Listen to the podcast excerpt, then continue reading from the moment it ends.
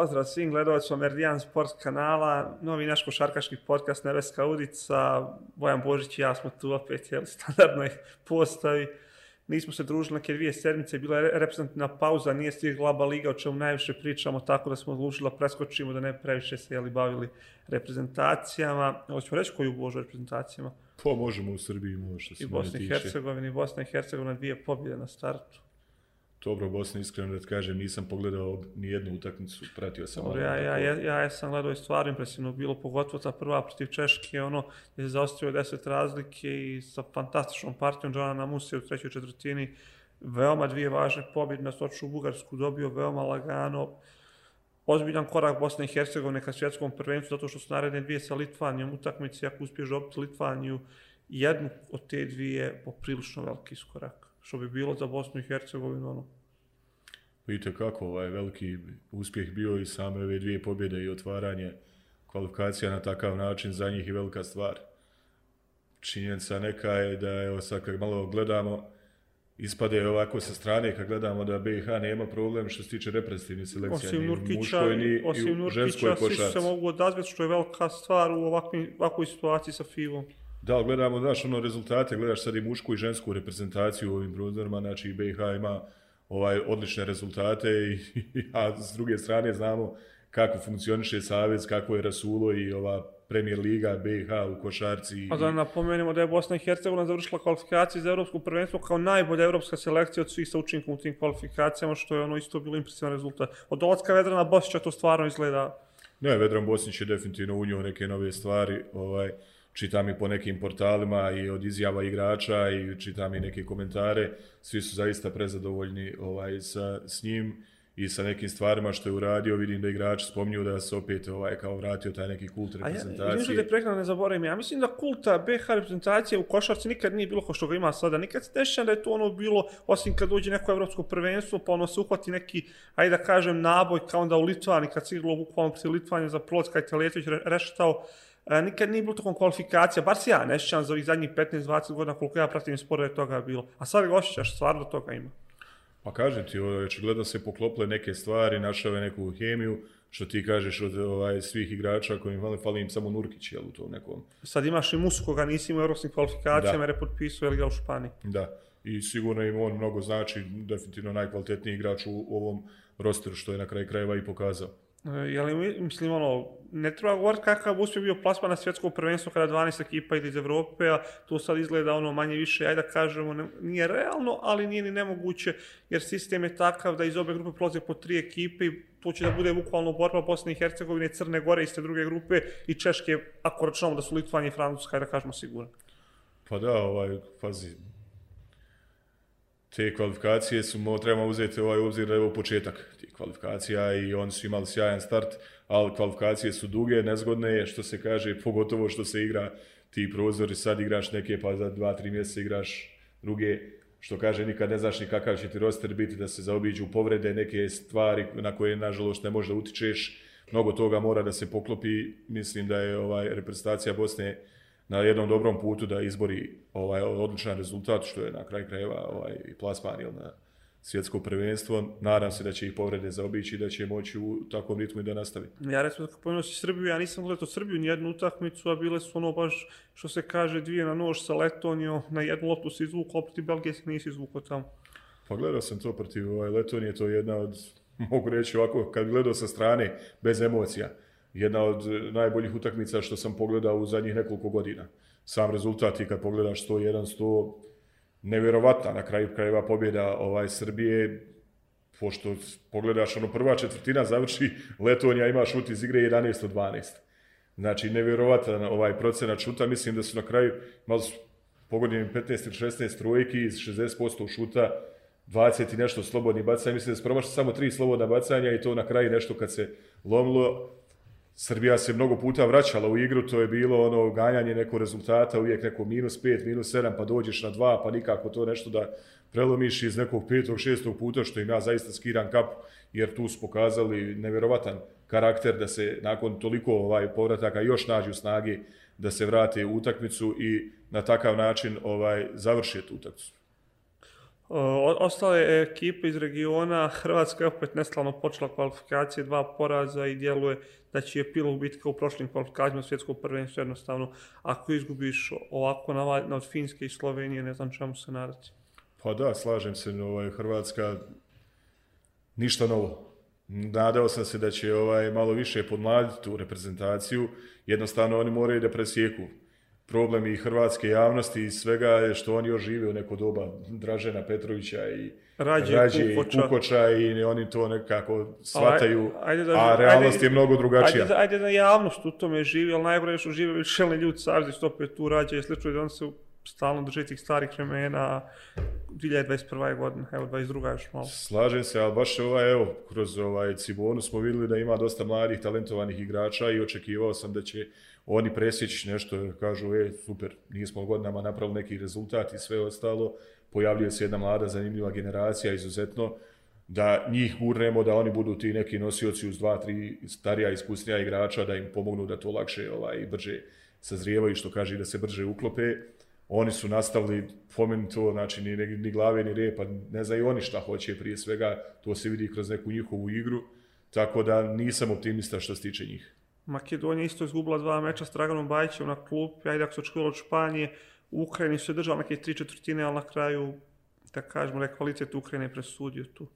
Pa da, ovaj, oni su, ajde, ono, protiv, što kaže Španije, niko nije očekivao da on tu nešto mogu da naprave, oni su odigrali jednu mušku utakmicu protiv Ukrajine, baš sam ovaj, čitao neku izjavu da ih je put u nešto poremetio, oni su baš pali u drugom poluremenu, gdje ovaj, jednostavno da li više nisu imali snage i sve, da li je to odraz tog napornog puta i svega što se izdešavalo, ali generalno vidio sam neke mlade igrače u reprezentaciji ovaj Makedonije, tako da vjerujem da oni imaju dobru budućnost. Crna Gora isto vam prepolovila prve dvije utakmice, pobjeda i poraz. Kaj je opet ta grupa gdje Crna Gora i Bosna i Hercegovina se ukršta i sasvim realno se baš među Bosne i Hercegovine i Crne Gore bude tražio taj putnik na svjetsko prvenstvo. To je vrlo lako moguće. Ovaj, pogledao sam možda jednu, dvije četvrtine te utakmice protiv Francuske. Prvo. Oni su, da, to je njihova prva utakmica. Sjajno su igrali tu utakmicu i malo je falo što kaže napravi veliko iznenađenje tamo.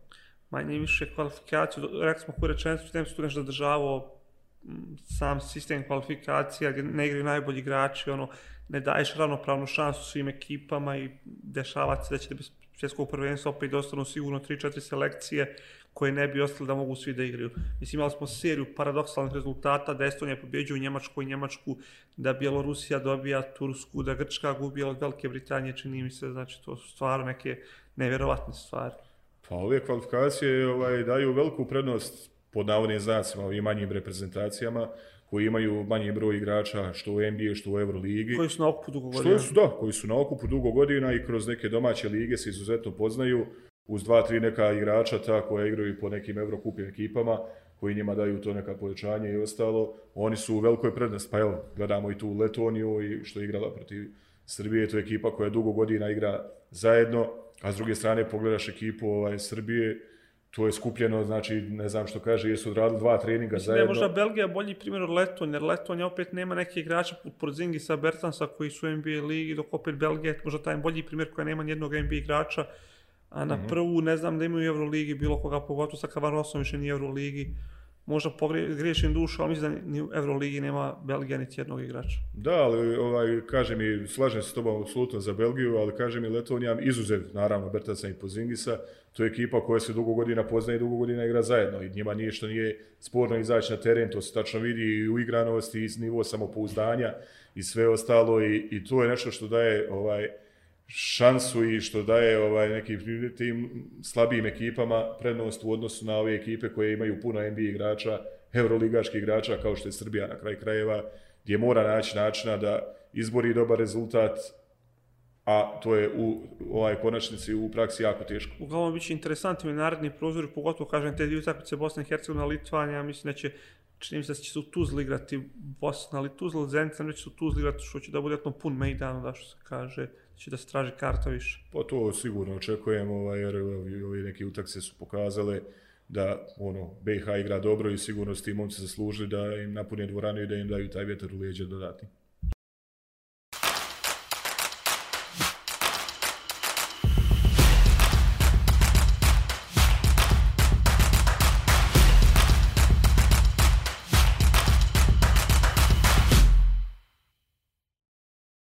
Selimo se na našu centralnu temu, jel, NABA ligu, odigrano, ko je deseto kolo, ja mislim, da, da je deseto bilo, derbi, utakmica koja je bilo u najvećem centru pažnje, evo nama najbliža i Gokeja Partizan, i Gokeja pa počela tako, tako, i onda na velika serija s kraja druge i počeka treće četvrtine, kada su otišli na plus 14, ja mislim da je 15 razlike bilo je da, bilo je baš, baš, nebično, da. nešto čak možda i 17 bilo, ali 14 je bilo sigurno, i Gokeja stvarno igrala u tom, neka brutalna serija, je bila da li 28-5, tako mm -hmm. nešto, ali na kraju Partizan, to je Željko Bradović je našao petorku defensivnu koja je dala rezultat i na kraju i da neki, kažemo, individualni kvalitet Pantera kad je ušao, kad promaši sve na utakmicu, dođe pogodio u ključnu trojku, pa još dva bacanja, uspio Partizan dobiti utakmicu.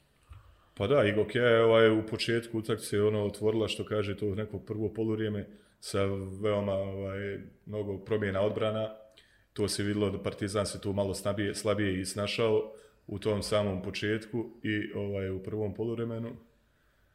Kako da ti kažem, ovaj Igokea dobro igrala, dobro ovaj sve, ali samo jedan nenormalan pad, znači od, od kraj treće četvrtine, mislim, dva minuta do kraja treće četvrtine od onog zakucavanja Ledeja, mislim, mislim da je tu... Ja mislim da čak i u četvrtoj je imala i Gokea plus 10, da li je bilo 68-58, tako mi neki rezultat, Ostoka i Đorđević dao koš za plus 10, dobro se sjeća, idem da krenula serija Partizana 10 0 do povrata. Tu sad ne mogu nešto... Mislim da je ovaj, čak da, da je to bilo, neka Lede imao 2 plus 1, da je to taj trenutak gdje je tad krenuo. Da, ali to je, ovaj, mislim da je tačno bilo neke dva minute do kraja treće četvrtine. Ja, to zakucavanje ovaj, Ledeja po čelnoj liniji, utrčavanje, zakucavanje Ledeja uz faul, ovaj, jednostavno probudila se publika prije svega, tu se baš probudila publika na te nekim ovaj, potezma, njima je dala neku dodatnu energiju, Partizan je od tog trenutka promijenio odbranu, ušao u neke ovaj zonske presinge i isto tako neke kombinovane ovaj odbrane sa preuzimanjem. I mislim, dvije lopte na polovni Jeste, jeste ovaj, ovaj, uveo ih je jednostavno u nervozu i okrenuo ovaj, ritam utakmice. I Gokeja je isto tako nekim preuzimanjima dobro branila Partizan. Partizan se ti na te neke kombinovane meča podbrane ovaj, adaptirao, ušao u neki kontraritam svojom dobrom odbranom tim zonskim presinzima i visokim iskakanjem i preuzimanjem po cijenu nekog laganog pojena, što kaže na Ziceru, jer je Igokea dok je pravila tu veliku seriju, Igokea je pogađala neke šuteve iz viška, iz pika i sjajno ovaj, kažnjavala te neke situacije. Partizan je mnogo agresivnije zaigrao na tu vanjsku liniju i na kraj krajeva to im je donijelo rezultat i preokret. Po meni ovo je utakmica koju dobio Željko Bradović, je stačno bio trenerski kvalitetnog Željko Bradovića i Partizan ni jednog trenutka nije izgubio glavu. Na tih minus 15 koliko je bilo u trećoj četvrtinka je sve išlo naopako za Partizan, on je i dalje tražio dobitnu petorku, tako reći, koja će da odradi što treba i našao je defanzivnu petorku koja jednostavno zatvorila sve što ti kažeš full court pressing. Mm -hmm. Znači, Igokija i kad je prenijela loptu, nije imala vremena da organizuje napad. Znači, on je počinjal napad nekih 9-10 sekundi prije isteka, baš zbog toga bi potrošio 6-7 sekundi na prenos lopte i nije bilo vremena da se to realizuje, Partizan imao problema u defanzivnom skoku na utakmici jako puno, i je imala drugih trećih napada. I je mnogo nadskakala. Ovaj, da.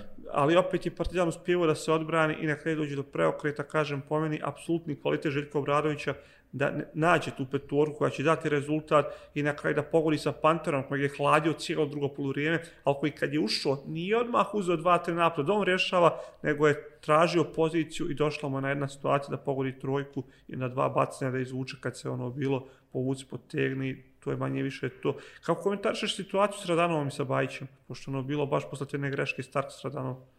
Pa dobro, to su ovaj, neke situacije koje su, mogu reći, jesu neobične, ali se dešavaju.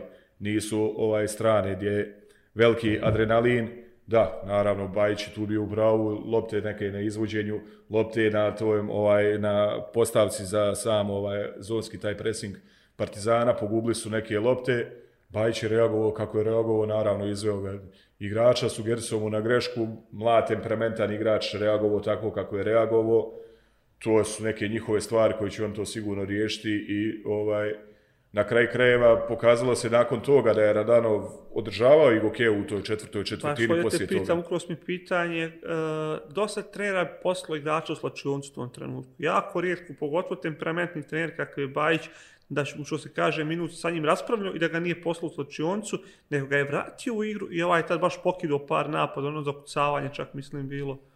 Tu moram da pohvalim i, i tekako ovaj, Dragana Bajića Jer vjerujem da je on procijenio u tom trenutku da je on njega razljutio, da ga je bukvalno razbjesnio i pošto je bila totalna letargija u ekipi, sam si rekao na to neke promjene odbrane ovaj Partizana, na te presinge i na sve to gdje oni nisu imali rješenja i nekako su bili indolentni i bez energije, on je njega poslao tako da se izrazim bijesnog na teren, pustio ga slanca što se kaže, Ovaj, I on mu je to vratio na dobar način. On je održavao i Gokeu tu igrao neke ovaj, poteze, igrao malte ne bez promašaja, to do kraja utakmice. Mislim, to je Bajić tu neku svoju sujetu, tako reći, čak je rekao i posle utakmice na preskonferenciji, čak najviše on kriv za poraz, što opet ne, ne, ne, ne čuje se tako često od trenera.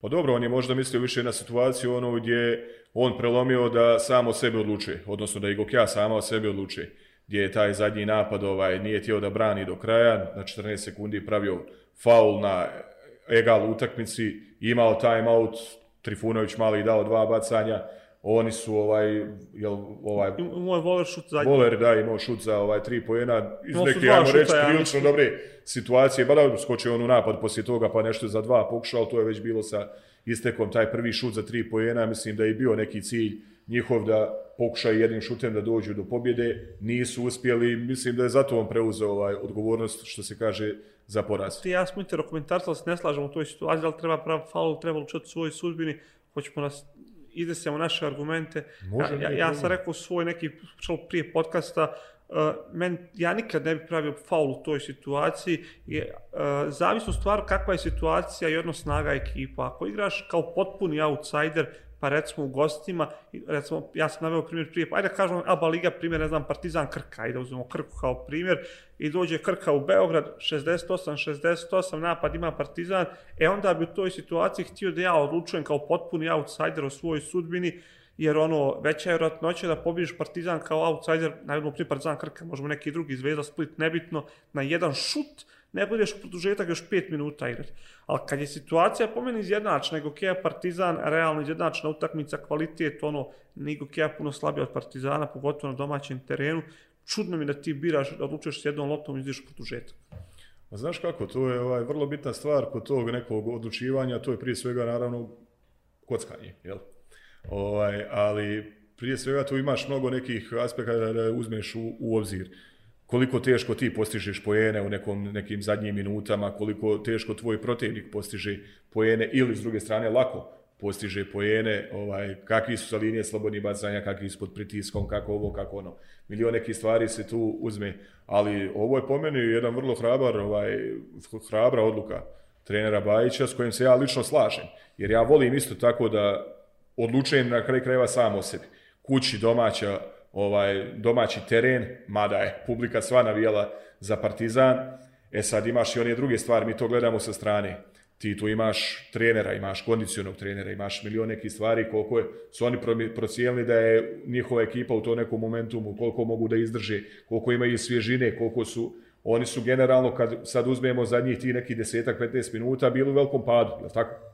I osim Radanova koji je tu nešto i Stevensa ovog po tablom, ostali nisu bili tu nekako. Voldere je stao šut, Starks isto tako nije pogađao u drugom poluremenu iz pika iz nekog mismeča. Partizan je izlazio visoko, branio to. Oni su procijenili možda da su im veće šanse na kraj krajeva tu, pogotovo kad su došli u situaciju da prave faul, da izbjegnu možda Pantera i ostale, da su pravili faul na malom Trifunoviću. Njemu svaka čast, pomak rutinski pogodio oba bacanja. I to je što kaže to, dobili su taj šut za tri pojena koji stražili za pobjedu, nisu pogodili, što kaže da su pogodili, sad bi ga svi slavili i okivali zvijezde, ali to je nažalost tako, takva Partiz, odluka. Partizan je preživio gdje zvezda nije ove sezone i mnogo važna pobjeda Partizan u toj borbi za prvo mjesto, jer manje više još uvijek ni Partizan ni zvezda nisu išli ni u Podgoricu, ni u Ljubljanu, što će isto biti teška gostovanja, tako da Partizan se izvuku u laktaša. U Ljubljani teško gostovanje. A dobro, duga je sezona. Znaš ko... Slažem partij... se, više se malo više aludiram na ovu zadnju utakmicu Cedevite. Što bi rekao, da je ide zima, jel? Duga e, ide zima. To je naš decembar. Taj. Hoćemo Zvezdi, Zvezda Cibona. Dosta čudna situacija prije početka utakmice. Pojavila se u hrvatskim medijima informacija da Vlado Jovanović visi posle te utakmice će dobiti otkaz, što su ga i pitali na preskonferenciji. Pa je on rekao da koliko zna da u mjesto autobusu rezervisano posle utakmice Eh, po mojim informacijama, pošto sam se raspitujući o toj situaciji, eh, pomnjanja Sesara nisu realna za novog trenera Cibone, ali eh, istina je da pozicija vlade Jovanovića nije sigurna u Zagrebu, to što se promijenila uprava Čavlovića ili otišao koji njega doveo, trenutni prvi čovjek kluba i sportski direktor, nisu to ljudi koji su doveli Jovanovića, on hoće svog trenera, međutim, po informacijama koje ja imam, dosta se duguje nekih plata u Ciboni, situacija nije najsjajnija i u ovom trenutku najmanje što im treba je da otpuste trenera koji treba da plaćaju pa da plaćaju još jednog. Pa pazi, ovaj, ništa novo u Ciboni što ništa se kaže, novo. apsolutno ništa novo i što se tiče kašnjenja plata i neke anarhije u, i upravi i mijenjanja uprava i svega. Taman kad pomisliš da su ljudi ovako konsultovali da konačno znaju šta hoće, eto, bez obzira promijenila se uprava, dobro, može zbil neki ljudi ne mogu da nađu finansijska sredstva, dobro, dolaze drugi, ali po meni Cibona sa Vladom Jovanovićem radi odličan posao ove sezone.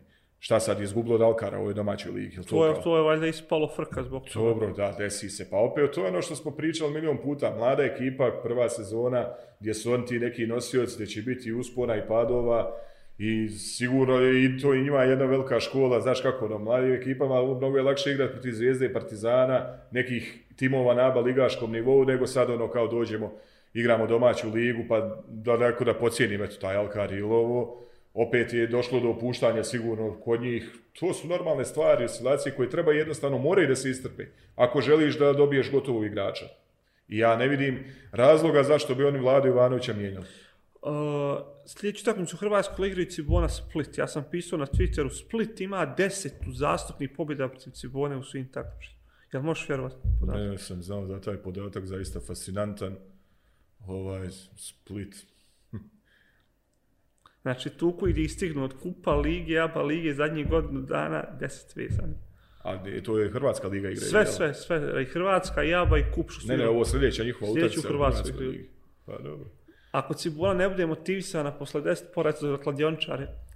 To da, ovaj, pa pazi, mislim da te, e, te utakmice, Split, Cibona, Cibona, Zadar i ovo, da je to ipak malo drugačiji, drugi nivo što se kaže, tu motivacije neće faliti. Kako se vidio Zvezda Cibona, mislim, Zvezda je krenula ono što se kaže agresivno od početka, igla se jako odbrana, pogotovo na Gnjidiću, ono na Pa što pritisak jak pritisak na loptu, na da. I mijenjuje čuvare na njemu, izmijenjali su i Dobrić i Lazić i još neko biješe, ali baš no bio jak pritisak na i prenos lopte i generalno... Ma da, ja sam se videlo, znači da, su, da je njihova ideja bila da se ono košarkaškim žargonom njega iskidaju.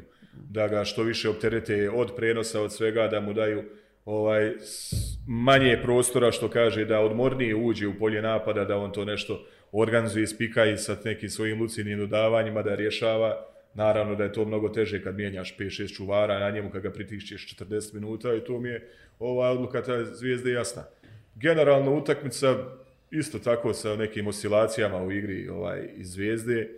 Na kraju rutinska pobjeda koja po meni je ni dolazla ovaj, u pitanje i to je samo jedna što kaže utakmica u nizu, ništa posebno. Hollins jedno ozbiljno zakucavanje, ono je bilo Pa da, Holin se malo ovaj javio što se tiče te i napadačke forme i nadam se da će to što kaže, kako kaže Radonja, ide zima, jel? Nadam se da će dizati u zimskom periodu te svoje statistike. Biće poprilično zanimljivih narednih par sedmica ovaj, ovo jurenje Partizana i Zvezde za prvo mjesto. Partizan do narednog derbija nema naročito težak raspored. Uh, baš sam gledao neki dan kako to ide, ono, dosta relativno lagan raspored Partizana, jer pri, e, tek je posle derbija i gostovanje u Podgorici i Ljubljana, znači može se lako da, da taj derbi dođe u situaciju Partizan i Zvezda imaju i jednu, jedan ili dva porazi da baš to direktno odluči ko će biti prvi. Pa vrlo lako moguće s tim da ja ne bi uopšte ovaj, isključio tu budućnost, naravno, koja pored svih svojih problema koji imaju i dalje ovaj, pobjeđuju, mogu reći rutinski, i njih se ne treba otpisati nikako. Kad se, Čak... već, kad se već prebacio, možeš samo reći koji je budućnosti centar, jer ne znam šta da pričam o toj utakmici, ono, ja sam rekao svoj stav, mislim, smijel studentski centar da pobjedi budućnost u ovu ligu uopšte. Ma dobro, da to sajde ono što kaže, te utakmice, rutinska pobjeda, ru, budućnost sa osam igrača, u protokolu. U protokolu, s osam igrača. Znam da se dva povrijedila i da je jedan ispao sa pet faulova, pa možda bi gledali pet na četiri u ABA ligi. Pa nismo jedan gledali. Je, bilo u KLS, KLS. 5 na 3. A, KLS. Da. ali ono je nevjerovatno, znači sa osam igrača budućnost protokol. Tri povrede, Vajlić suspendovan, valjda se nešto nije javio posle Makedonije, i sa osam igrača ti je rutinski dobiješ studentski centar, mislim. Ono. Pa dobro, iskreno što sam se rekao, ovaj, očekivano nema nešto tu pretirano da trošimo riječ. Što se tiče tog ganjanja ovaj, na prvoj poziciji Zvijezda Partizana, ovaj, tu će sigurno biti još dosta nekih uspona i padova i kod jedne i kod druge ekipe. Zvijezda isto dosta zavisi od rasporeda u Euroligi, u stvari prije svega od tih napornih putovanja i svega ostaloga potrošnje energije. Partizan se opet poslije ovaj derbija podigao i igra dobro. Dokaz je i ova pobjeda u Laktašima, gdje su Maltene, Maltene bili otpisani, uspjeli se ovaj, vratiti i zabilježiti jako vrijednu pobjedu, što ti kažeš, tu je zvijezda, recimo Kiksala, evo tu je već neka prednost Partizana. Vidjet ćemo šta će donijeti, što kaže, utakmice u Podgorici, i za jedne i za druge pa čak i u Ljubljani. Evo jedan bold prediction za Twittera da ovo okačim za 2-3 mjeseca. Danas je 7. decembar. Znači ja prognoziram da kad, u momentu kad se bude igrao sljedeći derbi, Partizan neće imati više nijedan poraz u ABA ligi. Znači sa jednim porazom očekuje derbi, Zvezda će izgubiti jednu utakmicu i sa dva poraza će dočekati derbi. Dobro ti izgledaju te rasporede. Sad moral kopat rasporede, udarim ne. opet neku opkladu. Ne. Pa mislim, to je da manje više to za Zvezdu Partizan budućnost. Mi smo rekli manje više sve. Mada.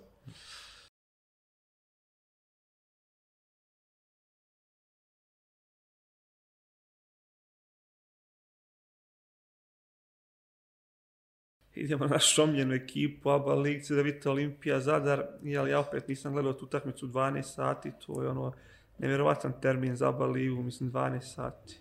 I to obično bude subota neka, ovo je bila nedjelja, ako se ne varam. Obično s nedeljom u 12, pa ne, desa termin. Pa ne, mi, ti ljudi svijest prema, pa za Aba Ligu gleda populacija najviše koja ide u druženje, tako reći, petkom i subotom veče i ti treba da namješaš u takmice, mislim ajde što nas NBA ne ispoštuje, se kaže, zakaže nam neke te derbi utakce dok smo još u gradu, ali bar ova aba morala se. Pa, strašno. Ti izgledao, ja nisam znači da vidite Olimpija, Zadar. Ma gledao sam. Kad, je, kad sam se probudio i otvorio telefon, imao sam neki čudan feeling da vidim šta je bilo da će izgubiti.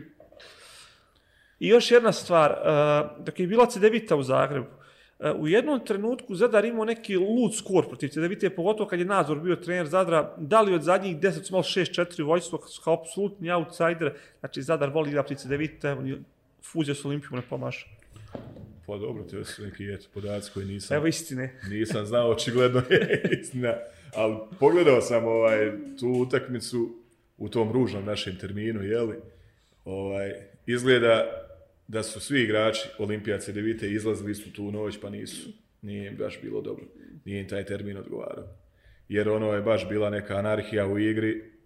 Zadar, pričali smo o Zadru XY puta ovim podcastima i ništa ni to nije posebno što kaže ali ona, Carter im je održao čas košarke. E, ču, čitao sam baš komentare na račun Cartera, gdje su ga baš hvalili da je odigrao onu Aistrao. Čovjek je održao čas košarke, znači i u odbrani i u napadu, i bilo ga u skoku, bilo ga u kredenim lopta, ali način na koji on poentira, znači uđe tamo neki floter, baci, to ulazi ko kap preko onih njihovih visokih igrača, s nekom lakoćom probija tu vanjsku liniju, ti gledaš, ono baš ga je Milina gledat, što se kaže. A s druge strane, Olimpija C9 ono je raspuštena vojska.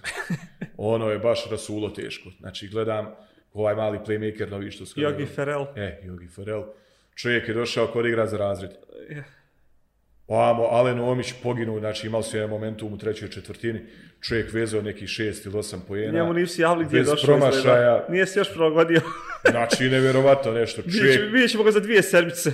Pa to, ili će i šamarat nekog, reći mu fat za vrat, reći, alo, ljud, bolan, šta je ovo, ili će se prepustiti, što kaže, tu nema treći.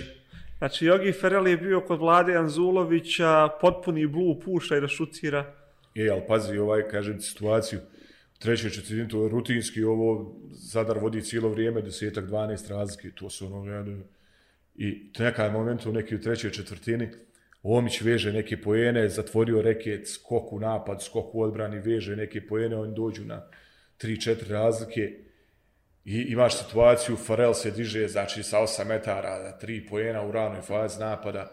Omić skače, krlja preko trojice, izbacuje loptu. Ovaj odma diže iz kornera neki šut za 3 pojena, niđe veze, znači ni blizu koša. opet Omić skače, izbacuje, ovaj opet odma diže 3 pojena za ljepšega. Loptu ja gledam, reku šta je, kao, kao za razred da su. Znači možemo konstatovati da se Omi- Omić još nije prilagodio na ekipu, ali Ferel prvi dan skontao gdje je došao i kakvo je stanje. O, apsolutno si to dobro definisao. Znači, je tu nešto... Farel je znao gdje dolazi, on se uklopio. I ono vidiš ta situacija kao Puljen, kao bravo majstor, to, je To je to nastav. To je ta igra. Samo šutiraj. Da, a vamo naš, vidiš Omića, krlja ovo, ono, a s druge strane gleda ga onaj Augusti, oni kad ti ti rekao, znaš, ko nemaš do loptocima koje ne ufatiš i zakucaš. Carmichael i Dimec su isto dobili šut kartu. Pa dobro, oni su neki, et, pokušali ti neki ono što smo pričali, najavljivali, kad si ti spominjao ovaj golemca i to, Mislim, ja sam ipak onda tu bio upravo da će pokušati sa igračkim rosterom nešto da zamijene i ovo to se na kraju krajeva i pokazalo je sad šta će on dalje, kako će dalje. Pa zajd sad šal na stranu, ovo sve što smo pričali, ono, malte ne u šali je bilo. Pa je za šal, to je za šal. Pa jest, To oni- nema šta ozbiljno reći. Oni su ono, igraju tragikomično.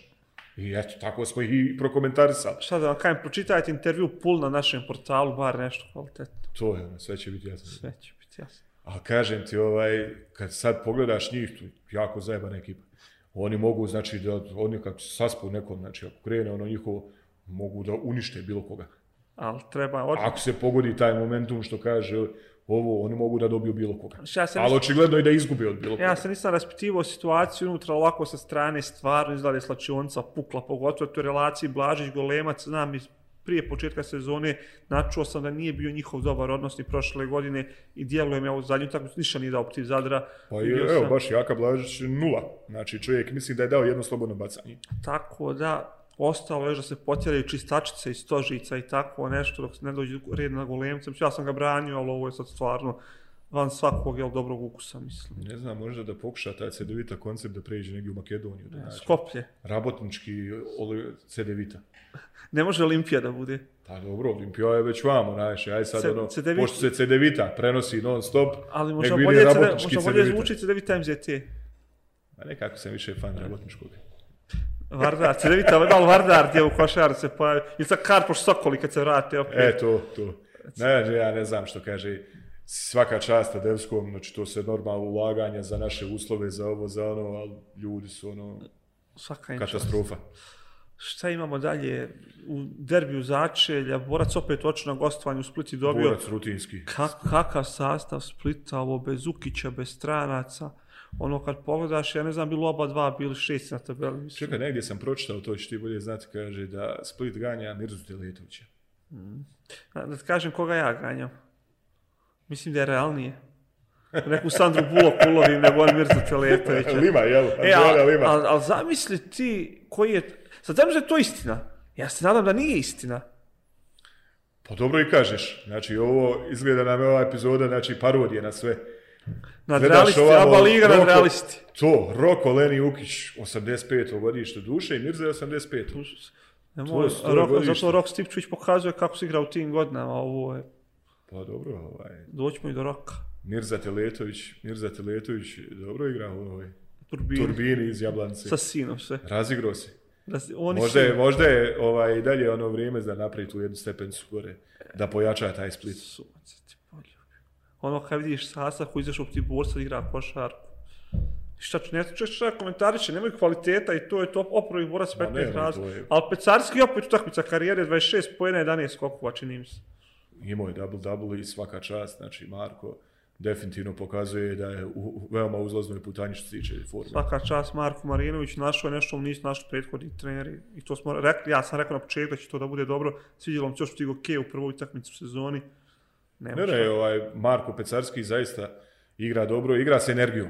Ono što je uvijek nekako meni bilo sa strane, kad sam njega gledao, sve je to super, on ima i šutić taj, i ovo je neku tehniku dole i sve to divno, kre- ali uvijek je nekako bilo pitanje ta energija. Kao da je nezainteresovan, kao da je mrtav, kao da je se sad probudio, pa ono da Pecarski, izaći na teren. očito nije samo pravo ruke, on se umio u Moravi. On se okupo cijeli. On se okupo, umio. Njega je potoplo, njega je potoplo u Moravu i čovjek je Znaš, proigrao. kao kad se krste, znaš, ljudi, pa E, u to. rijeku, tri put gore, dole i Pecarski, novi čovjek. ništa, taj recept nek primjene i na ostale i eto njih gore.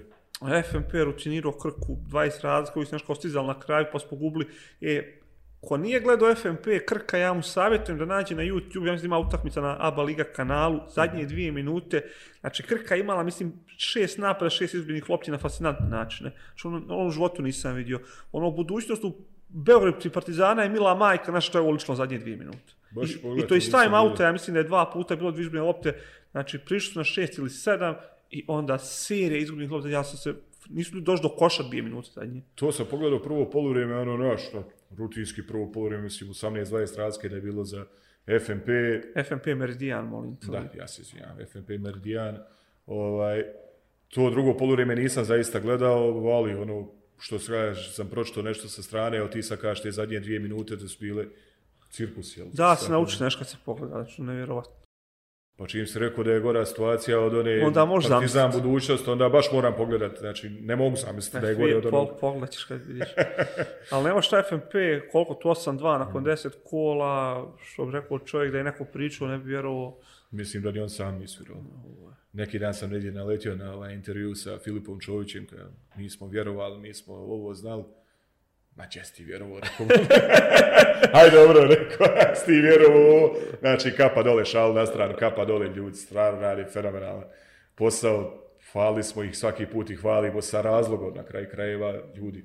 Dobijaju rutinski mečeve koji trebaju da dobiju protiv ovih koji ne mogu skupo prodaju kožu i sasvim dobro igraju. Jo, što kažeš rutin, nema šta Nenad Stefanović, rekli smo trener sezone, ako se što ne raspadne u drugom dijelu, baš ono debelo, ovo je wow, što se kaže. Pa ako im Zvijezda ne uvali nekog da im razigrali, pa im onda poremeti totalno koncepciju. Ako Filip opet ne aktivira Neće, karijeru. ne vjerujem da će Filip, ovaj, ako im recimo Davidovca ne guremo da se malo razigra, da on tu nešto krene, da kreira, da šutira, e, to jedino njih može poremetiti. Ovo ostalo, mislim da su na dobrom putu da budu najprijatnije iznenađenje kao što jesu. Barsko zlato upisalo novu pobjedu s tim Mege, dižu se. Otjerali su jednog Amerikanca i odmah proigrali. Otjerali jednog, drugi se nesto, ono, kako ide to. Dobro, drugi, ne, ne, drugi je tu, Trey Lewis je tu, Davis je nestao, Lewis je tu. Pa dobro, On se očito uozbiljio kad je vidio situaciju sa ovim. ovo mora da su ovo gepekovali, ne znam, stolni ga negdje, drže ga u podrumu, pa se ovi ostali uzbiljili. Ali zanimljiva utakmica s Megom bilo je ono klackalca cijeli meč na kraju prolomiše, mislim, iza točne 8-9 razlike u zadnjoj, pa je Mega vratila serijom 8-0, ja mislim, povela čak, ali Mornar dobio na kraju. Gordić i Mihajlović dobra utakmica. Gorić je definitivno ovaj, prelomio tu utakmicu, Mijailović isto držao to nešto prvo polovreme. Bita pobjeda za Mornar, pričali smo ono ranije dok oni nisu imali ni pobjede da može doći generalno Pa situaciju da oni vežu neke, mjesta, a to, da vežu neke pobjede, da ovo da ono, jer oni generalno nije to loš roster totalno kad ti nešto pogledaš, ali oni su Nije ni Bajan, ali da kažemo, nije ni loš zaba ligu. Kad imaš Gordića na playu, Mozlija na centru, ovog Jeremića na trojci, ništa, sasvim korektno. ništa bolji roster FNP-a nije, na primjer. to ti kaže. Znači, samo je pitanje, hoće li što Kako kaže sam krenuo Boriću ovo danas. Boga, baš se nameračio. Ovaj, što ti kažeš, vežeš dve, tri pobjede, što nije uopšte nemoguće u ABA ligi s njima. On se ekipa, ono, mogu svakog da unište definitivno šutem i ovo, ali ako sam se poklope neke stvari, oni mogu da još napravi neki iskorak. Mada generalno teško jako. U ovom trenutku izgleda da su Zadar i Split ono bukvalno zakucana borba za zadnje i predzadnje mjesto. Mada Zadar je ova velika pobjeda u Ljubljani, novi trener, Uroš Luković u Lovćenu, tako. Da. Ovaj, pa evo, Zadar ovom pobjedom gurno Split na zadnje mjesto. Ja mislim da je Split otpisan, realno. Pa ovo što si ti rekao, ako neke stvari ne promijene, ovaj, jer i oni igraju sa nekih 7-8 igrača, ne, eto, nešto ni I to bez kvaliteta, puno više ni znači. kvaliteta, ni bilo čega. Oni moraju neke stvari da promijene, prije svega da pojačaju s jednim ili dva igrača, ako hoće bilo šta. O, stvari, ako hoće da izbjegnu to Mislim, ona- zadnje mjesto, Onaj nema to. Split prošle sezone sa Mesićakom, Markom Lukovićem, Ilion Đokovićem izgledao kod Dream Team za ovo na papiru. Jeste, ovo je baš, ovo je, kažem, i oni neke utakmice, aj sad mi se zezamo ovo Roko Leni Ukić, ali ovaj, neke utakmice koje je on igrao, nije to više to, daleko je to od I ne može da igra, on nije igrao u zadnju utakmicu, znači Nije, nije, da. odigrao polu utakmicu oba ligi, znači ne, pa ne može Roko. Ma, tijelo je izraubovano od neke, on je jest takav igrač bio, što kaže, skočan, poletan i ovo, on se brže i troše, teško ćeš ti u tim nekim godinama očekivati da sad možda igraš na tom nivou u kontinuitetu. Gledao sam za vikend i Split Cedevita junior u Hrvatskoj ligi. Cedevita to je inače prva, je- na prva tabela bila prije tog meča, Mulomerović to super vodi, dobio je Split na kraju, ali eto, Cedevita junior, nešto mi govori o oba dva sljedeće sezone, pa CDS-ki da se povuče opet u Zagreb. Pa je to, Zagreb ili da promijeni opet? Vidjet će Zagreb da bude opet. Šta će da bude s ovim iz Ljubljane ekipom, to... Mogu bi u BiH, šta misliš, onako, Bosna, rekao smo, Sarajevska, dugo tavori. Pa, Pokuša nešto tako. pametnijim da je uložio u Bosnu. A Bosna je bila i Royal, ali svašta Cedevica, Bosna, ono. Bosna Cedevita, Bosna, Royal. O. O. To, Fin prijedlog. Nek uzmu u razmatranje, jel? E, moć- nećemo, ti nećeš oba dva da pričaš, ali ide oba dva s CMC, u stvari, mm, oni tamo sve. ne Jednostavno ne pratim, ne mogu da stignem da ispratim, pa ono, nisam pogledao ni jednu utakcu dvije sezone. Ja se, ja se veselim, da, da ću da idem u Sarajevo to da gledam tu sedmicu, tako da može biti interesantno. Baš sam gledao detaljnije prošle sedmice i situaciju i rostere. Ne bi bila senzacija da se tri BH kluba borac Parsi Široki baš bore za to mjesto, pogotovo ona situacija gdje Srbija ne uzma šest predstavnika, znači onda se desi finale Mlado Zemun ili Vojvodina s nekim BH klubom, BH klub automatski ulazi u ABA 1, a ne vidimo s MZT-a nijedan klub drugi koji može tu da se bori. Ko su tu po tebi ovaj favoriti? Pa kažem, tri ekipe iz BiH, Tri ekipe iz BiH, jel? Mladost, Vojvodina, MZT, to je top 6, ko će tu da bude još dvije, koje god budu ostale, Helios je dobro krenuo, on će vjerojatno da bude u 8, mislim da je to manje više to ko upadne kao osmi, ali realno da se bore ove dvije iz Srbije i tri iz BiH, s tim da kažem, ako lupam osvoji mladost, Zemun ili Vojvodina, oni igraju baraž sa najslabijom ekipom iz Srbije koja je rangirana, a finalista ide automatski. Pa negdje sam ovaj, pred početak te one, prvog balona ufatio, mislim da je samo mlado Zemunska izjavila da ide nešto tu na vrh. Ovo sve ostalo je igramo da igramo, što kaže, pa ako nam se otvori. Mislim, na ovih šest, Borac je sigurno prvi, ja mislim, u regularnoj sezoni, su ono 6-0, mm. ili su ili 5-0, 6-0, sad sam ja zablokirao. Krivo, bez poraza su, mora Bez biti ili šest. 4 ili 4-0, Jel, kako 4 ligao se protiv se nebitno, ali ono, mislim da je Borac sigurno prvi, po ovim što su prikazali, leko najozbiljniji tim, ali Široki ima jako iskusnu ekipu, bit će to interesantno. Ko ne gleda, nek isprati, mislim, ono. Morat ćemo nešto isprati, što kaže.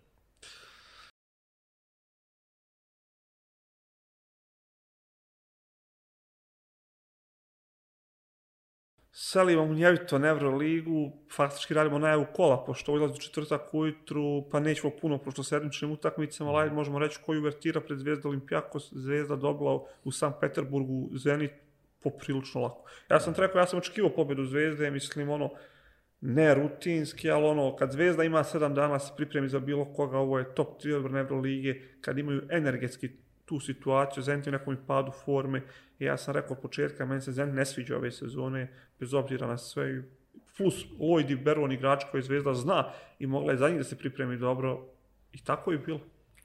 Pa sam, evo sad ovo zadnje što si rekao, tu se apsolutno slažem. Oni su totalno neutralisali Lojra i Berona. Drugo je to kad ti njih poznaješ, kad su on bili u tvom sistemu, Beron i dvije sezone, mislim, Lloyd jednu, i znaš sve njihove prednosti i mane, znaš kako ti je lakše da se spremiš, a realno njih igra Zenta u ovom momentu dosta zavisi od njih dvojice. Gledano ono napadački i ovo. I slažem se s tobom, opet kažem ovo što je Zvijezda imala neki period, što kaže kad je bilo vi FIBA prozori, da odtrenira prije svega, da nešto spremi, odmori, regeneriše ekipu. Nisam očekivao laganu pobjedu, ovo je bila rutinska pobjeda protiv, tako reći, protiv Zenta, jer za razliku, evo ti kažeš, ono su neko u pad forme, ja mislim da je baš bilo suprotno, da su oni bili u nekom dizajnu forme Znam, po i da su došli neki... su nešto bili. Ovaj, da, ali su prije toga vezali, ja mislim, 3-4 pobjede. Oni su bili četvrti na tabeli do ovog momenta. Mislim da sad sa ovim porazom od Zvijezde da su peti, da nisu nešto pretjerano ovaj, pali. Ovaj, za mene je velika pobjeda ovaj, Zvijezde je način na koji su došli do nje od prvog do zadnjeg minuta zaista ono, što kaže bez nekih oscilacija i to im daje ovaj dobru šansu da se bodre i da se nadaju pobjedi protiv Olimpijakosa koji generalno kroz istoriju mnogo težak protivnik za Zvijezdu. Mislim da ih je Zvijezda samo jednom dobila. Bukvalno. Ja sam ti rekao, igra a Euroligu. prije podcasta ja očekujem da Zvezda dobije Olimpijakos. Nekako, pričali smo u jednom od podcasta, ja sam govorio da je meni Olimpijakos samo bolja verzija Zvezde u smislu da defanzivno mogu na tom nivou, ali ofanzivno su bolji. Ali mislim da će to odgovarati Zvezdi u ovom momentu će to neutralicat publika ako bude dobro navijanje, jer znamo kako zna biti navijanje kad Olimpijakos gostuje. Uh, Zvezda je izgubila od Uniksa kući, mislim da će to sada vrati, Olimpijakos je dobio sve što je mogao dobiti, mislim da je vrijeme da jedan izgube jednu. O, pa pazi, evo sad si rekao, znači Zvijezda igra kuću u pioniru, može da se napravi fenomenalna atmosfera. Ono što mene kao nekog čovjeka koji voli crvenu zvijezdu, gleda navijača zvijezde, nervira kad taj Olimpijakos dolazi i kad krenu one navijačke pjesmice, bodrenje jednih i drugih. Sve to super, ajmo, pet minuta, bodrimo jedni drugi, ovo, zašto bi ja više navio za gostujući tim nego za, nego za svoj. Podri svoj tim, znači kad su ovi u napadu, zviždi, daj sve živo da odbraniš, to stvori tu neku vrstu atmosfere, pomozi svojoj domaćoj ekipi, a to bratstvo je, što kaže, super, ali za druge neke stvari. Mislim da je ključ te utakmice koliko će dobro zvezda Vezenkova da zatvori koji igra fantastičnu sezonu, ako znaju zvezditi četvorke koje mogu da šire i pogađaju trojke, da naprave probleme, ako to zvezda uspije da iskontroliše i ako dole centre neutrališu koliko mogu, jer znamo da je Olimpijakos dosta jak pod košem, tu je pomenulo mi se utakmica.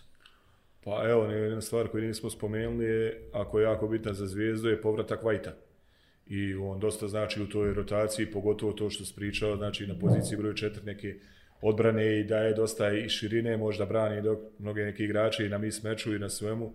To će biti jedna velika ovaj prednost zvijezde u odnosu na ove prve utakmice što kaže bez njega u rosteru.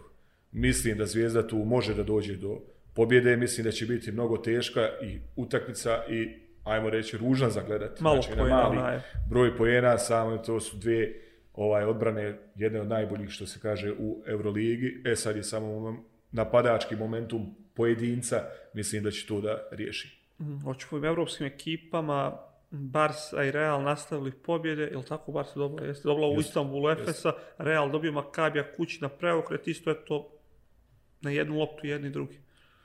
Pa dobro, da, španske ekipe, odnosno Real i Barca, ovaj, nastavljaju, što kaže, rutinski gdje su stali nisu to neke pobjede da ti kažeš, ovaj, gledao sam malo Real protiv Makabija, dobro otvorili utakmicu, otišli neku dvocifrenu razliku, Makabi se brzo vratio, to je bilo, što kaže, do zadnje, do zadnje minute je to bilo upitno što se, do zadnjeg napada.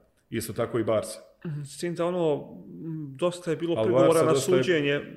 Ataman isključen i pisali su saopštenja, Bars opet bez Higginsa, Kalatesa, Brinesa, bez tri čovjeka i startne petvorke, odšla u Istanbul i dobila ono... Pa to sam baš htio da kažem, ovaj Barsa bez dosta nekih igrača, jako bitnih za njih, i opet dobiju na takvom jednom gostovanju... I na preokret. Na preokret, na karakter, na nešto, znači tačno se vidi, ono, pričali smo, radio sti jednu analizu zanimljivu. I za Barsu i za FSR. Barse, Barse, naročito ovaj, kad igra sa Kalatesom, kad ne igra, evo, ono što vidiš. smo pričali, mogu da igraju na različite načine. Mogu da ubrzaju igru, mogu da uspore igru, mogu da igraju iz dva visoka sa nekim small ballom i ovo i to im daje tu neku širinu u odnosu na ostale ekipe. Čim nema kalate sa Barca, možda čini čuda u napisu. To je se Okubajticom na playu puno više opcije. Njima najbolje sad da vidu Riki Rubija nazad. Dosta kad su, je, sad Riki kad naplati ugovor neki u NBA i naljeto posle ovakve šuterske sezone, Da li misliš da bi dalje imao šutersku sezonu dobro kad bi se vratio u Evropu? Pa kako lomio bi obruč. Lomio. tu se slažem, zato ti pitam to. Svaka pala na prvi kukalacova. Bila bi ono... Oni imaju najsličan izbačaj. Bila bi ono, jel, Željko njih vodio, Željko je vodio Fener, Panatinikus. Panatinikus, sa Panatinikus je rubio dobio. Kad je bilo načuvena serija neka za Final Four, čuval ga bukvalno u reketu, kaj čuvaj ga u reketu. I čovjek šutira, znači ne može da pogodi obruč i ode u NBA i gleda sve kakav šuter. Uh, šta ćemo dalje? Fener dobio konačno Monaka. A im to su malo izgubili na kraju. Fener dobio i spogađao nešto na kraju, ali oni bukvalno strepe do zadnje dve minute, znači Sika. to je ono kontaš, Jeste, oni baš imaju problem sa zatvaranjem utakmice. Oni su Efesa izgubili dobijeno, ispod izgubili dobijeno, nema gdje nisu ove sezone, ali to se ponavlja, ali evo sad su uspjeli dobiju Monak. Oni baš imaju taj psihološki problem zatvaranja utakmice, Oni igraju dobro i sve to super, ti pogledaš, on odu na ovaj dvocifrenu razliku, neke dve i po minute do kraja, I ali u njihovom slučaju to nije. I ako prime, a ovi, ako im daju vrate neku trojku, da smo za plus sedam, to je već panika. Drama. I dešava se panika i što mi je nevjerovatno i fascinantno s obzirom na iskustvo tih igrača. Ne znam koji je, koja je vrsta psihološkog problema u glavi. Biće dobra utakmica Zenit Fener sad u Rusiji, da vidimo je li Fener to prelomio ili nije, jer S druge strane, siguran sam da će Zenit to odigrati mnogo jače s obzirom na ovaj poraz zvijezde. Dosta mi je to tmurna utakce za prognoze, Zenit Fener, mogu da zamislim da ode oba pravca. Ali sam bliže Kijecu tu, recimo. Evo ja isto. Šteta, ja sam više mislio da ćeš ti igrat dvojku zbog Đorđevića. Pone, a ne, ne, ne vješam A emocije ja profesionalnosti. a ja kec zbog Lojda i Berona. Tako da... Ono ja volim da Fener dobije, nije tajna da navijam za Đorđevića da ostane tu što se kaže, ali Ma, to nije upitno. Da. ne ulivaju mi nimalo samopouzdanja. Ajde da vidimo, volio da mi iznenade. Pa mi pričamo bukvalno od prve emisije, od jedne najave, znači da njih vidimo da stvarno imaju dobru ekipu i da su imali neke dobre utakmice koje su igrali i da ih vidim što kaže kao neke kontenere za playoff i čak i za Final Four, da se kroz taj playoff mogu, jer imaju on to iskustvo, imaju tu širinu, imaju ovo, a oni totalno suprotno. A od šta, oni su pokazali ove sezone dosta puta da odbrana može da bude najveći mogućem nivou, ali napad toliko zna da bude nekreativan, dosadan, bez ideje, bez drugog rješenja, odnosno pripremu utakmice i tu je rat najveća mana Đurića kao trenera. Što mi je iznenađenje, recimo. Pa dobro, očigledno nešto tu nešto ima što kaže, Trebamo ofanzivni koordinator u stručnom štabu. možemo i to riješiti nekako. E, šta ćemo dalje? Šta nam je ostalo? Imaš neku želju? Šta nam je ostalo? Ja sam gledao Alba Milano cijelu utakmicu, fa isto ono, fasciniran sam kako je, ubila ih je Alba u prvom poluvremenu. Znači, Erikson je imao, znači, prvo poluvrijeme, Erikson dal 5, 5 od 5 je bilo za 3, to je pogodio, ono njegovo s jedne noge, dvije, tri, čovjek gleda, jel moguće što čovjek radi. Mislim, pogađali su svi, ali on je izdominirao. I Alba, mislim, plus 17 u jednom momentu u trećoj. Mesina za ove dva time out rok od pola minute. Znači, ne mogu ništa da nađu i čovjek nađe petorku na kraju ove prekaljene svoje veterane, Rodrigueza, Šilca, Datome, Heinza i Melija i ljudi se vrate u egal potpuni i čovjek ih zamijeni, ubaci onog nesrećnog hola i vrati Dilenija i izgubiš utakmicu. Jer hol upi u dva napada, dvije gluposti.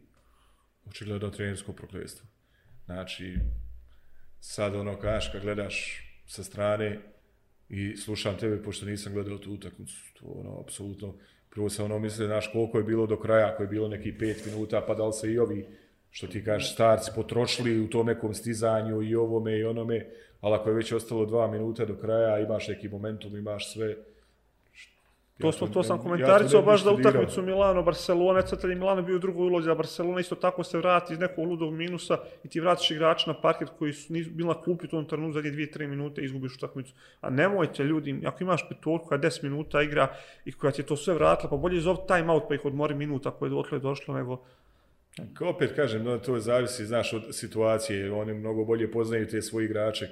Vjerujem mi da nekad ni na ovo, ti pogledaš se vizualno, se pogledaju, jasno ti je da li ovaj vizualno traži izmjenu, da li više ne može, pogotovo da li su sve od sebe, evo po tim tvojim riječima, da li su sve od sebe da stignu ti neki 10 minuta i 2 minute do kraja, da li je došlo do te neke potrošnje energije, jer su oni dali neke znakove, e, aj sad nek uđe ovaj, nek pokuša te dvije minute, znači da isjepa, da iskida, očigledno nisu pogodili s tim, dešava se što kaže s druge strane i kad pogodi onda kažeš, e odlično, uspjeli su, vidiš kako je odmorio ovoga majstorski, to je ono prokletstvo, znaš, sve je to neka kocka u nekom momentu, znaš, šta, šta se može desiti, šta se ne može desiti.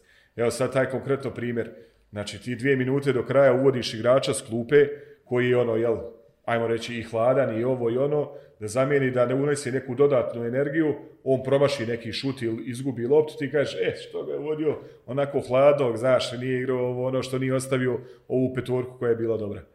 A s druge strane, on ti pogodi taj jedan šut ili samo ukrade neku loptu, asistira, kažeš, o, pun pogodak, trenera, sjajno E, nije ocijenio. svako Željko Bradić da pogodi s Sjajno Panterom ocijenio tako. to, jel ne?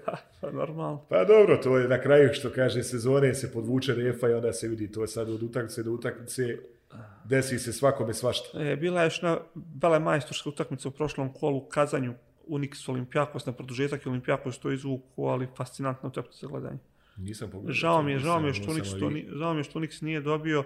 Bilo je svega, znači ko može snimak da pogleda jedan od boljih utakmica ove sezone, Leto Olimpijakos je nastavio tu svoju seriju, zato ja mislim se vratiti u Beograd pri Zvezde, to ne mogu sve da dobiju na taj način. Nadam se da će tako da bude. I Žao mi, žao, mi, žao mi je zbog Unixa što izgubio, to ti pominjao, mislim ja kao neko ko s tim pače nave za Partizan, više je u interesu da Unix i Monako ne budu u top 8 da bi Euroligu ušli finalisti Eurokupa, Mm. ali mi se toliko sviđa Unix i Monako ove sezone, to nevjerovatno. Igraju Pa odlično, zaista, i Unix i Monaco, pa čak i Zend koji ti ne simpatišiš s obzirom na sve, ovaj, stvarno igraju odlično. Ma mislim igra i Real Košar. vrhunsko, ja ne spačem ove godine i ubiđen sam će Real da propada Da. negdje u toku sezone, ali Pa dobro, to sad, ovaj, ajde, Real je malo El level, Clasico ove level sedmice. iznad u svakom slučaju. El Clasico ove sedmice, kome daješ prednost u Blaugrani se igra? Barcelona. Kijetsko vrata. Barcelona. Ali ako ba, ne budu li igrala ova trojica, Brnes neće sigurno, na duže je vani, sad ne znam, Higgins i, i, i, i, i Kalatis kakva je situacija. Ne smijem više protiv Reala. Dok ne vidim, ne vjerujem. Znači sad je ona situacija, moram da vidim Real lošu utakmicu da bi rekao. Pa evo, ako se slažemo, bojice, znači to je Barcelona. Ovi koji ne slušaju mogu koboto da uplati na Real. Probajte. Neko odigraju kontru. Manje više ovo ostalo što je bilo u Euroligi ove sedmice, bilo su neke rutinske pobjede, ne znam, Bayern je rutinski dobio Asfela, mada je Asfel igrao bez, mislim, bilo je egal dosta dugo, ali Asfel igrao bez dosta igrača tu utakmicu, ne znam, CSKA je razbio Panathinaikos u Moskvi, To su one rutinske, što se kaže, očekivane pobjede i utakmice. Žalgiris da. je opet dobio ovaj put Baskoniju, E, Baskonija, da, ekipa. na šta ono liči su. Ekipa koja je odigrala ono, utakmicu sezone protiv Zvezde, Ali se je namislilo da Zvezda dođe u situaciju kako je došla. Pa to ti kažem, znači desilo se, oni smjena trenera, Spahija, jel, ovaj, prva utakmica, oni totalno rasterećeni, sve živo pogodiše. I kontam ja, to će biti to, znači, aj kao nešto će se promijeniti. Baskonija nastavlja ono svoje silo, Ja sam rekao u prvom podcastu sezoni da je ovo najgora ekipa Baskonit kad ja pratim košarku, znači u 21. vijeku i čak ono što su dobili neke utakmice pod Duškom Ivanovićem, očito nije bio problem u njemu, znači što se sad vidi, očigledno da ta ekipa nema kvalitet. nema taj kvalitet, rang. ovo je Eurocup ekipa, da se mi ne I lažemo. to je solidna Eurocup ekipa. I prošle godine razliku između Eurocup ekipe i Euroliga Baskon je pravio Henry i Polonara i to je to, njih više nema, nisi ih zamijenio. Baldwin ne igra ni- ni izbliza kako igra u Bayernu prošle godine i ono bio i povrijeđen pa je mu se želi išao u Ameriku i sin mu se da rodio. Tako da ovo je Baskonija. Baskonija, Panathinaikos, Žalgiris, Strava i užas ove godine. To su jesu tri ekipe koje su totalno razočarenje ove sezone, Baskonija prije svega. A dobro, dobro ti je ovo zapažanje, stvarno ne pamtim da, sam, da su lošije izgledali. Sve tri ekipe. Još kad se sjetim ono od Rakočevića, ne znam ja, od Tjaga Splitera, pa Zoran Planinić. Skola, vamo, tamo, znači gledaš, sjećaš se nekog tog vremena, pa da je vamo sve to nešto bilo. Kako, je, to je Ovo ta igla modna. dvije vezane, ja mislim, godine s Partizanom, playoff, Tiago, Jest. Splitter, uf. Čak sam, Pit, Pit Mikel, Sjećam se da Pit sam bio Michael, jednu- kao ga neko zove Mikel, neko Michael. da, sjećam se da sam bio jednu utakmicu ovaj, u Pioniru, kad je tada ta u keramika dolazila Partizanu. Išao sam naravno da gledam Rakočevića. Znači, ono, I fascinantno je to, kaže, sat i po izlazi čovjek prije da šutne, ono, kao koju loptu, pionir punko, šipak. Naravno, sve salve, uvreda, ovog, onog, repertoar, kako to ide i treba da ide. Ona neka izjava njegova poslije utakmice, da je to neki 20-30 pojena, rutinski, da bio i prvi strijelac ovaj, Eurolige i kaže neka izjava poslije ovaj, utakmice, izašli ste ranije, vamo tamo, da, izašao sam ranije, kaže da sav gnjev publike navučem na sebe, da se malo istroše sat i po izgalame na mene i to je na kraju i bilo tako, ta u keramika je tu utakmicu dobila ovaj, u pioniru, ali Mislim, jedan sjajan moment što kaže kako je on to znači ono šmekerski ocijenio izaći sat i po prije utakmice ja ću šutirat svoje one galame nek se malo ovo potroše glasove e onda će ga biti lakše Znaš šta je interesantno, u tom periodu su isto trenirali ovaj, ta u Keramku, sada Duško Ivanović pa Spahija prije 15 godina, evo opet sad. pa dobro oni se mijenjaju tamo znači Ko, ko selektori Holandije u futbalu? Imaš 3-4. vrte se u krug jel Vrte se Van Gaal, Dik Advokat. to ko ode u BiH po ključu ide jel? Jeste, to je baš fascinantno. Šteta za Baskoniju, stvarno, ta neka ekipa ta u keramika je bila ono sila, što se kaže. i oni imaju košarkašku publiku Imaju stvarno dobro košarkašku publiku. publiku. koja se razumije Ja volim dobro tu halu Fernando prave. Buesa, ti je ne voliš, ali dobro. ja ne volim podlogu Eh. hala je super i sve samo nek promijene boju podloge Tako da eto, recimo, paradoks je ta Baskonija ove godine nije ni osam u Španiji, vidjet ćemo šta će biti za Euroligu, ali ako Panathinaikos, Baskonija i Žalgiris ove godine nisu ni u 25, vjerovatno tim u Evropi, a ne u 18, neki isteknu desetogodišnji ugovor, daj smišljajte nešto novo da gledamo košarku, ko će gledat Baskoniju, Žalgiris i, i, i Panathinaikos u zadnjih 20 kola Euroligije, to nikog ne zanima. To, je, pa gledamo utakmicu Alba, Milano, došlo hiljada i pol ljudi. da Ko- Ne može se, pa nema, nema zanimljivosti. Jeste Evo Zvezda, ako ne bude u januar imala šanse za top 8, bude pet pobjeda i za osmo, bit će 3000 ljudi u pioniru. To nikog ne zanima. mm, mnoge neke stvari moraju se mijenjati u europskoj košarci. Dotakli smo se tog i ranije da se ne ponavljamo. Ja mislim da je neki i dobar moment za to da se to nešto i uradi. Mislim, Vidiš, pričali smo njima je sistem Da. super, ali uvedi ispadanje dvije Eurolige, dvije, dva ligaška sistema, pa da vidiš kako će da bude borba. Pa ispadne Panathinaikos i Baskonje, želi nek ispadnu. Jedno je da ti napraviš zatvorenu ligu i da sve ok, ono što oni žele, kao zatvorena liga, mi ćemo sad igrati 3-6 kola ovog onog. Dobro da. Ali daj onda milion po, pobjedi. Buban karikiran sad. Milion eura je pobjeda. Pa da ti kao bori se, pa da ljudi mogu napraviti te neke timove, da mogu ovo, da mogu ono, da to ima nekog smisla da se igra i gleda. A ovo, mislim da to nema. Ništa, u tom tonu završavam, završavam ovaj podcast. Nešto Božo, bilo je stvarno interesantno, kao i uvijek. Kao i uvijek, naravno. Ništa, selimo s novom druženju, sljedeći sedmice, nadam se. Pozdrav za sve.